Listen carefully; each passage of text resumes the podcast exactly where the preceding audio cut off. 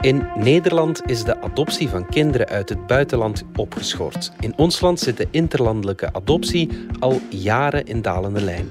En geadopteerden klagen zelf de fouten in het systeem aan. Wat is er aan de hand met de adopties en wordt er eigenlijk nog iemand gelukkig van? Het is maandag 22 februari. Ik ben Alexander Lippenveld en dit is de podcast van de Standaard.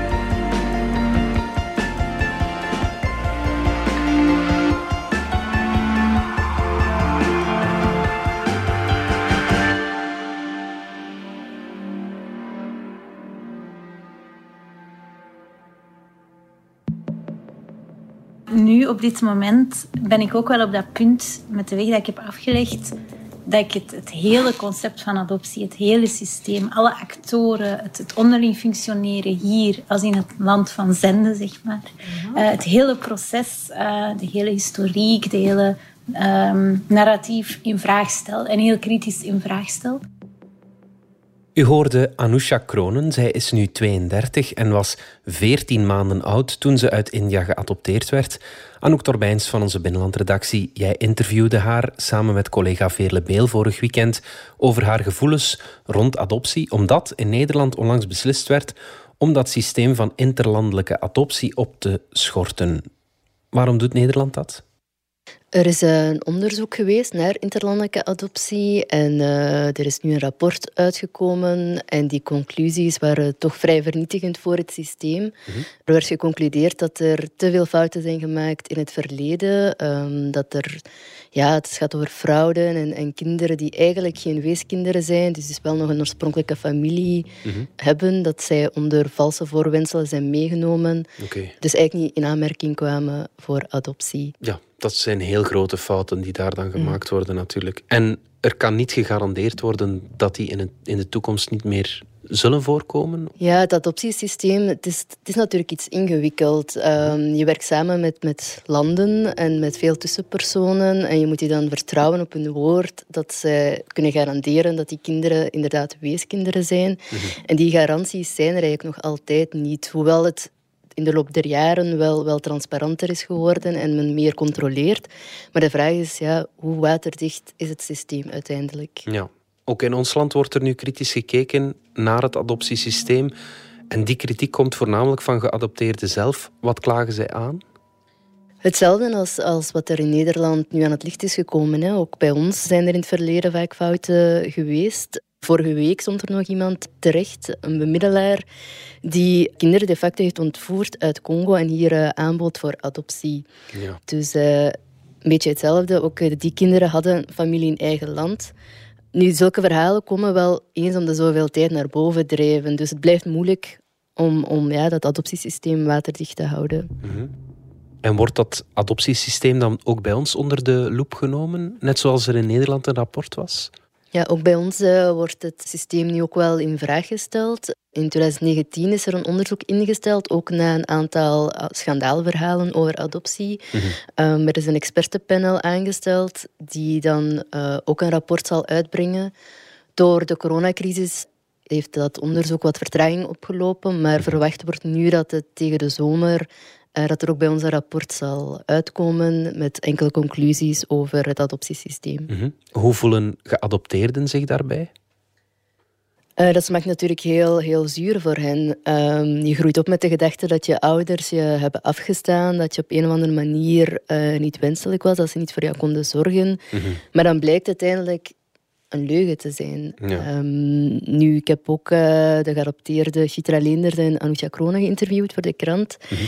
En zij gaven aan, ja, ook als er geen fouten zijn gebeurd, als er geen fraude heeft plaatsgevonden, dan nog blijven veel geadopteerden wel met veel vragen over hun afkomst. Echter, um, adoptie gaat wel gepaard met, met gevoelens van, van verdriet, ook van trauma's. Mm -hmm. um, en tegelijkertijd zeggen ze, kom je dan hier in een maatschappij terecht waar je constant moet horen hoe dankbaar dat je moet zijn voor de, voor de kansen die je hier krijgt, uh, dat je hier ja. een nieuwe, zogezegd betere toekomst hebt gekregen. Ja.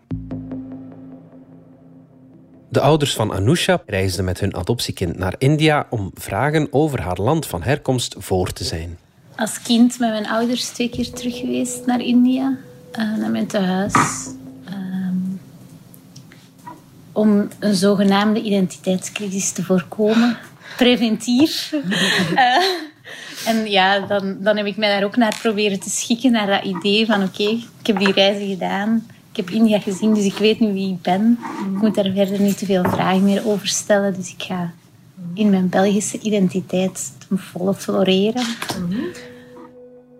Geadopteerden in Nederland en ook bij ons halen aan dat de nazorg vaak ook te wensen overlaat. Wat zijn daar juist de problemen? Wel, bij adopties in, in vooral het verre verleden, um, er werd vaak gesjoemeld met dossiers. Dus gegevens werden vervalst of, of werden achtergehouden. Mm Waardoor het voor geadopteerden die graag op zoek willen gaan naar een roots, het extra moeilijk wordt om, om aanknopingspunten te, te vinden. Um, nu, intussen is er wel het een en het ander veranderd. En mensen binnen de adoptiesector, dus de adoptiediensten, zij houden ook wel meer rekening met gevoelens en, en de wensen en de vragen waarmee geadopteerden zitten. Mhm. Maar er is nog een grote inhaalbeweging nodig. Mhm. Een grote inhaalbeweging, met andere woorden, die dossiers moeten uitvoeriger en, en die moeten beter beschikbaar zijn. Ja, het moet zeker makkelijker worden om, om die dossiers op te vragen en uh, te kunnen inkijken. Maar ook om, om die stap te zetten om het land van herkomst uh, te kunnen bezoeken en op zoek te gaan om meer ondersteuning te krijgen, informatie te krijgen om op zoek te gaan naar, naar jouw roots en naar eventuele familie. Luisteren we nog even naar Anousha Kronen. Er was toen zo weinig geweten over adoptie, over de impact van adoptie, psychosociaal, um, op vlak van ontwikkeling, op vlak van um, uh, relatievorming, um, ja, noem maar op. Uh, dat eigenlijk door die lacune destijds heel veel mensen op die boot zijn gesprongen met op zich goede bedoelingen. ik denk, mijn ouders hebben daar ook vanuit hun kinderwens voor gekozen. En ik kan daar alleen maar... Ik kan die mensen dan niet kwalijk nemen. Die hebben dat destijds als optie gekregen. Er was ook nog niet de medische wereld zoals het hier er vandaag is. Zijn er dan niet genoeg middelen om in die ondersteuning te voorzien? In principe zijn er wel wat middelen die rondgaan uh, in de adoptiesector. Alleen klagen geadopteerden dan aan dat die middelen vooral gaan naar de adoptiediensten om nieuwe adopties te realiseren. Mhm. Eh, middelen vinden zij die beter aangewend kunnen worden voor hun ondersteuning. Mhm. Als je ook kijkt, in 2019 kregen de drie Vlaamse adoptiediensten samen zo'n 1 miljoen euro werkingssubsidies, terwijl er eigenlijk maar 28 adopties uh, zijn, zijn uitgevoerd of hebben plaatsgevonden. Voor Anousha is er maar één conclusie mogelijk.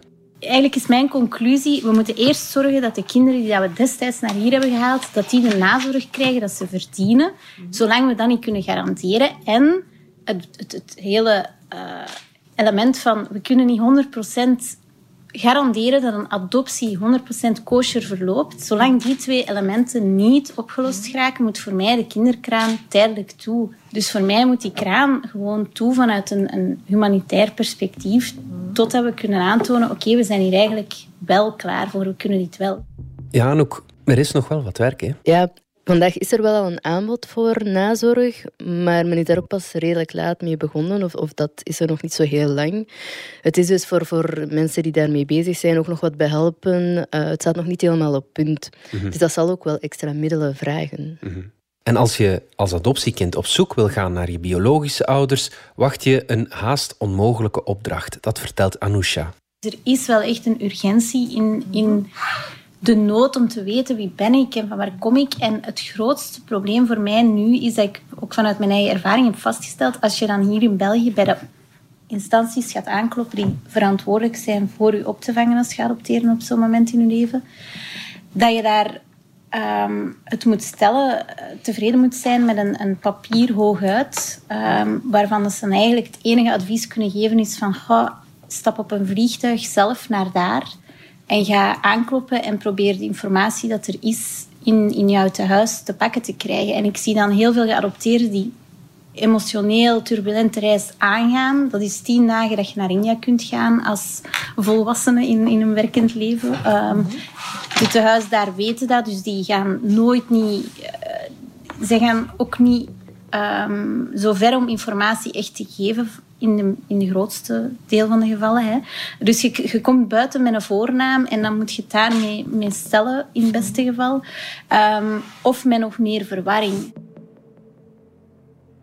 Ik ben opgegroeid met een foto van een meisje waarvan vermoed werd altijd dat dat familie was. Dus je moet inbeelden dat je als kind jarenlang in je album kijkt en denkt, oké, dat is een, mogelijk mijn mama of mogelijk een zus. Ehm, je gaat twee keer terug naar het huis in je kindertijd. Je gaat die zoeken, je vindt die niet, je laat dat los. Je komt op een leeftijd dat je zelf aan een gezin wilt beginnen en denkt, goh, misschien moet ik dat eerst opklaren voor mezelf. En dan ga je bij de overheidsinstanties aankloppen met die concrete vraag van in hoeverre kan dat meisje op die foto mijn mama zijn, ja of nee. En dan had ik eigenlijk gehoopt dat zij zouden zeggen, goh, dat kan gewoon niet. Dat is niet, dat is niet mogelijk. En ik kreeg het antwoord, ja, dat kan. Ik kwam buiten, hier in Brussel, helemaal alleen, met nog meer verwarring. En het enige advies dat ik had meegekregen was van stap op een vliegtuig, ga naar daar met die foto en ga ze zoeken of ga vragen of dat je meer info kan krijgen. En dan heb ik gezegd, sorry, maar ik heb een heel leven uitgebouwd. Ik ben al twee keer terug geweest naar India. Ik weet dat ze daar niet uh, het antwoord gaan geven op die vraag. Is is dit dan het beste wat jullie mij kunnen geven? En dan ben ik zelf op zoek gegaan. Ik ben beginnen googelen.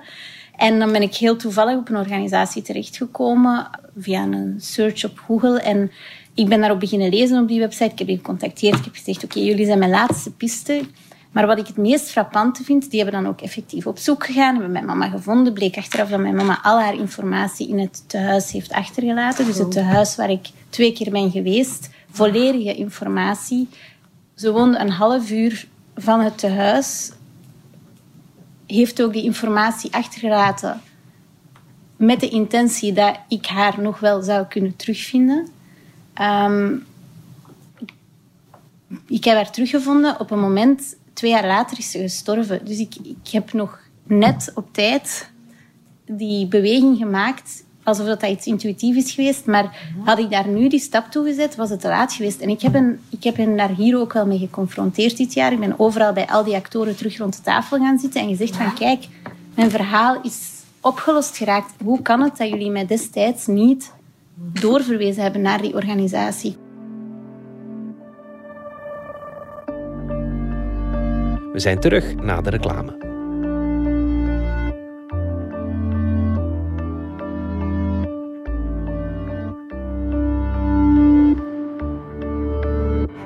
Bitcoin, het bizarre verhaal van twee pizza's. De bitcoin is een gedecentraliseerde munt. De ontstaansgeschiedenis is op zijn minst opmerkelijk te noemen en heeft te maken met twee wereldberoemd geworden pizza's. De Bitcoin Pizza Day wordt elk jaar op 22 mei gevierd, omdat precies op die dag het succesverhaal van de bitcoin begon. Wil u weten waarom? Ga dan vlug een kijkje nemen op bitforyou.io, het eerste Belgische platform waarop al wie actief is rond cryptomunten ideeën kan uitwisselen.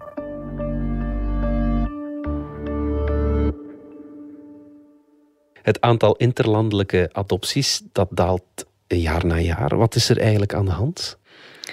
Um, interlandelijke adoptie is, is, zo rond de jaren 60 opgekomen um, als een soort van ontwikkelingssamenwerking. Dus, dus wij, het Rijke Westen, gingen helpen in de derde wereldlanden en zagen het als, als liefdadigheid om, om arme zwarte kindjes een zogezegd betere toekomst te geven in onze beschaafde westerse landen. Mhm. Nu, intussen zijn die herkomstlanden, hebben ze ook zelf een ontvoogding meegemaakt. Ze zijn sociaal-economisch sterker geworden. En die emancipatie zorgde ervoor dat ze sterker stonden om, om ja, zeg maar de minder bedeelde kinderen in eigen land eerst op te vangen. Dus op zich is het wel een goede zaak uh, dat er steeds minder adopties plaatsvinden. Ja, dat is goed nieuws voor die herkomstlanden. Maar langs de andere kant, die kandidaat-ouders, voor hen is dat minder goed nieuws. Zij moeten steeds langer wachten op een kind. Ja, en ook ja, onlangs is er uh, bij ons ook een rapport uitgekomen van de Vlaamse Ombudsdienst, die dat ook aanklaagde, dat de wachttijden voor kandidaat-ouders steeds langer worden. Men spreekt eigenlijk uh, in sommige gevallen al van bijna tien jaar okay. dat men moet wachten uh, om, om te kunnen adopteren. Mm -hmm. Vanuit de politiek hoor je dan ook de stemmen om, om na te denken hoe we de adoptieprocedure vlotter kunnen laten verlopen. Mm -hmm. Maar adoptie is er eigenlijk niet in dienst van, van de kandidaat-ouders. Uh, het basisprincipe geldt, we zoeken ouders om kinderen in nood op te vangen en niet omgekeerd dat we, we zoeken geen kinderen om de kinderwens van, van ouders te vervullen. Mm -hmm, ja. En vanuit de adoptiesector wordt die leus ook wel altijd benadrukt. Maar als we eerlijk zijn, gaat het effect toch nog wel vaak om, om die kinderwens te vervullen. Ja, ja, ja. Dat, is, dat is iets wat je die mensen die die kinderwens hebben natuurlijk niet kan kwalijk nemen. Maar die moet je wel de vraag stellen, ja, zijn we eerlijk genoeg naar die kandidaat-ouders? Geven we hen geen valse hoop door hen te laten instromen in die lange en, en emotioneel ook, ook slopende procedure, mhm. als er zo weinig adopties kunnen plaatsvinden? Mhm. Hoe kijken adoptieouders zelf naar heel deze discussie? Adoptie is, is, ja, het is heel emotioneel voor verschillende partijen. Uh, je hebt de geadopteerden die met emotionele vragen zitten over hun afkomst, maar ook ouders zijn, zijn emotioneel betrokken omwille van die kinderwens.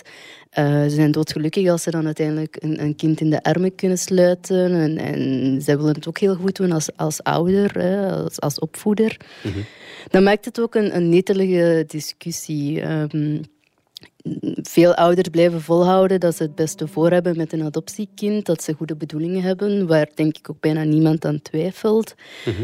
Maar als er dan kritiek komt, voelen ze zich ergens wel aangevallen. Um, nu, in heel deze discussie denk ik dat het wel belangrijk is om, om duidelijk te blijven stellen dat de kritiek die veel geadopteerden nu hebben, niet zozeer gericht is naar, naar kandidaat-ouders of, of huidige adoptieouders. Ze kijken vooral naar de overheid die adopties nog blijft faciliteren. Ja. En ze vragen vooral aan de overheid om hun verantwoordelijkheid te nemen. Mhm.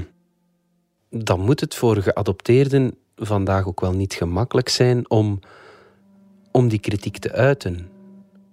Ja, dat klopt. Uh, adoptie is zelden zomaar een verhaal van roze geur en maneschijn. Mhm. Eh, het is niet evident voor geadopteerden om toe te geven dat ze niet altijd even gelukkig zijn, ondanks de, de goede zorgen die ze hebben gekregen en de warme thuis mhm. die ze in de meeste gevallen hier wel hebben. Maar ook voor, voor adoptieouders is het misschien ook niet evident om toe te geven dat het misschien moeizamer verloopt dan ze hadden gedacht. Uh, adoptie is niet evident. Um, misschien hebben sommige ouders het ook wat onderschat ja, zoals ik al zei, het blijft een emotionele en, en netelige kwestie. Mhm. Hoe kijken de adoptieouders vandaag terug naar de adoptie van hun kind zoveel jaar geleden? Je hebt sommige adoptieouders die uh, vandaag nog altijd stellen: we hebben heel bewust gekozen voor die adoptie en we wisten uh, welke eventuele problematieken er, rond konden ontstaan. En het was volgens hen geen naïeve beslissing geweest om te adopteren. Ze zijn nog altijd heel zeker mhm. van hun zaak. Je hebt sommige adoptieouders die wel toegeven dat het misschien een naïeve beslissing is geweest. Dat ze het misschien een beetje hebben onderschat. Want het is natuurlijk geen evidente keuze om, om een kind uh, uit het buitenland te adopteren die al een, een, culturele context heeft gehad, die misschien herinneringen heeft aan het land van herkomst, aan familie. En dat kind dan ja, te onttrekken aan mhm. zijn of haar eigen omgeving. Ja. ja. Welke toekomst heeft interlandelijke adoptie nog in ons land? Wel, er zijn vandaag al, al veel minder interlandelijke adopties dan jaren geleden. Uh, het systeem is sowieso al aan het uitdoven. En vandaag zijn de wachttijden voor kandidaat-ouders veel langer, wat het voor hen ook emotioneel heel zwaar maakt. En langs de andere kant zijn er dan geadopteerden die ook aangeven dat ze ermee worstelen en, nog altijd niet de gepaste nazorg krijgen. Ja, voor wie doen we het dan uiteindelijk? Doen we het voor die kandidaat-ouders die we een hele lastige, emotioneel zware periode of, procedure laten mhm. doorstaan? Doen we het voor geadopteerden die met vragen zitten, die, die struggelen met hun afkomst? Of doen we het voor, voor adoptiediensten om, om hen eigenlijk in leven te houden? Mm zal of moet interlandelijke adoptie, net zoals in Nederland, bij ons ook opgeschort worden? De bevoegde minister Wouter Beke van CD&V doet daar voorlopig nog geen uitspraken over. Uh, zoals hij net gezegd, loopt er bij ons ook uh, een onderzoek naar interlandelijke adoptie. Mhm. En het expertenpanel dat is aangesteld zal ook voor ons land aanbevelingen formuleren van welke toekomst heeft interlandelijke adoptie, wat moeten we daarmee doen. Mm het ziet er naar uit dat, dat dat ook wel een kritisch rapport zal worden. Mhm. De vraag is dan of dat de politiek dezelfde beslissing zal nemen als in Nederland. Mm Anouk Torbijns, dankjewel. Graag gedaan. Dit was de podcast van De Standaard. Bedankt voor het luisteren. Reageren kan via podcast.standaard.be. Alle credits vind je op standaard.be-podcast. Morgen zijn we opnieuw.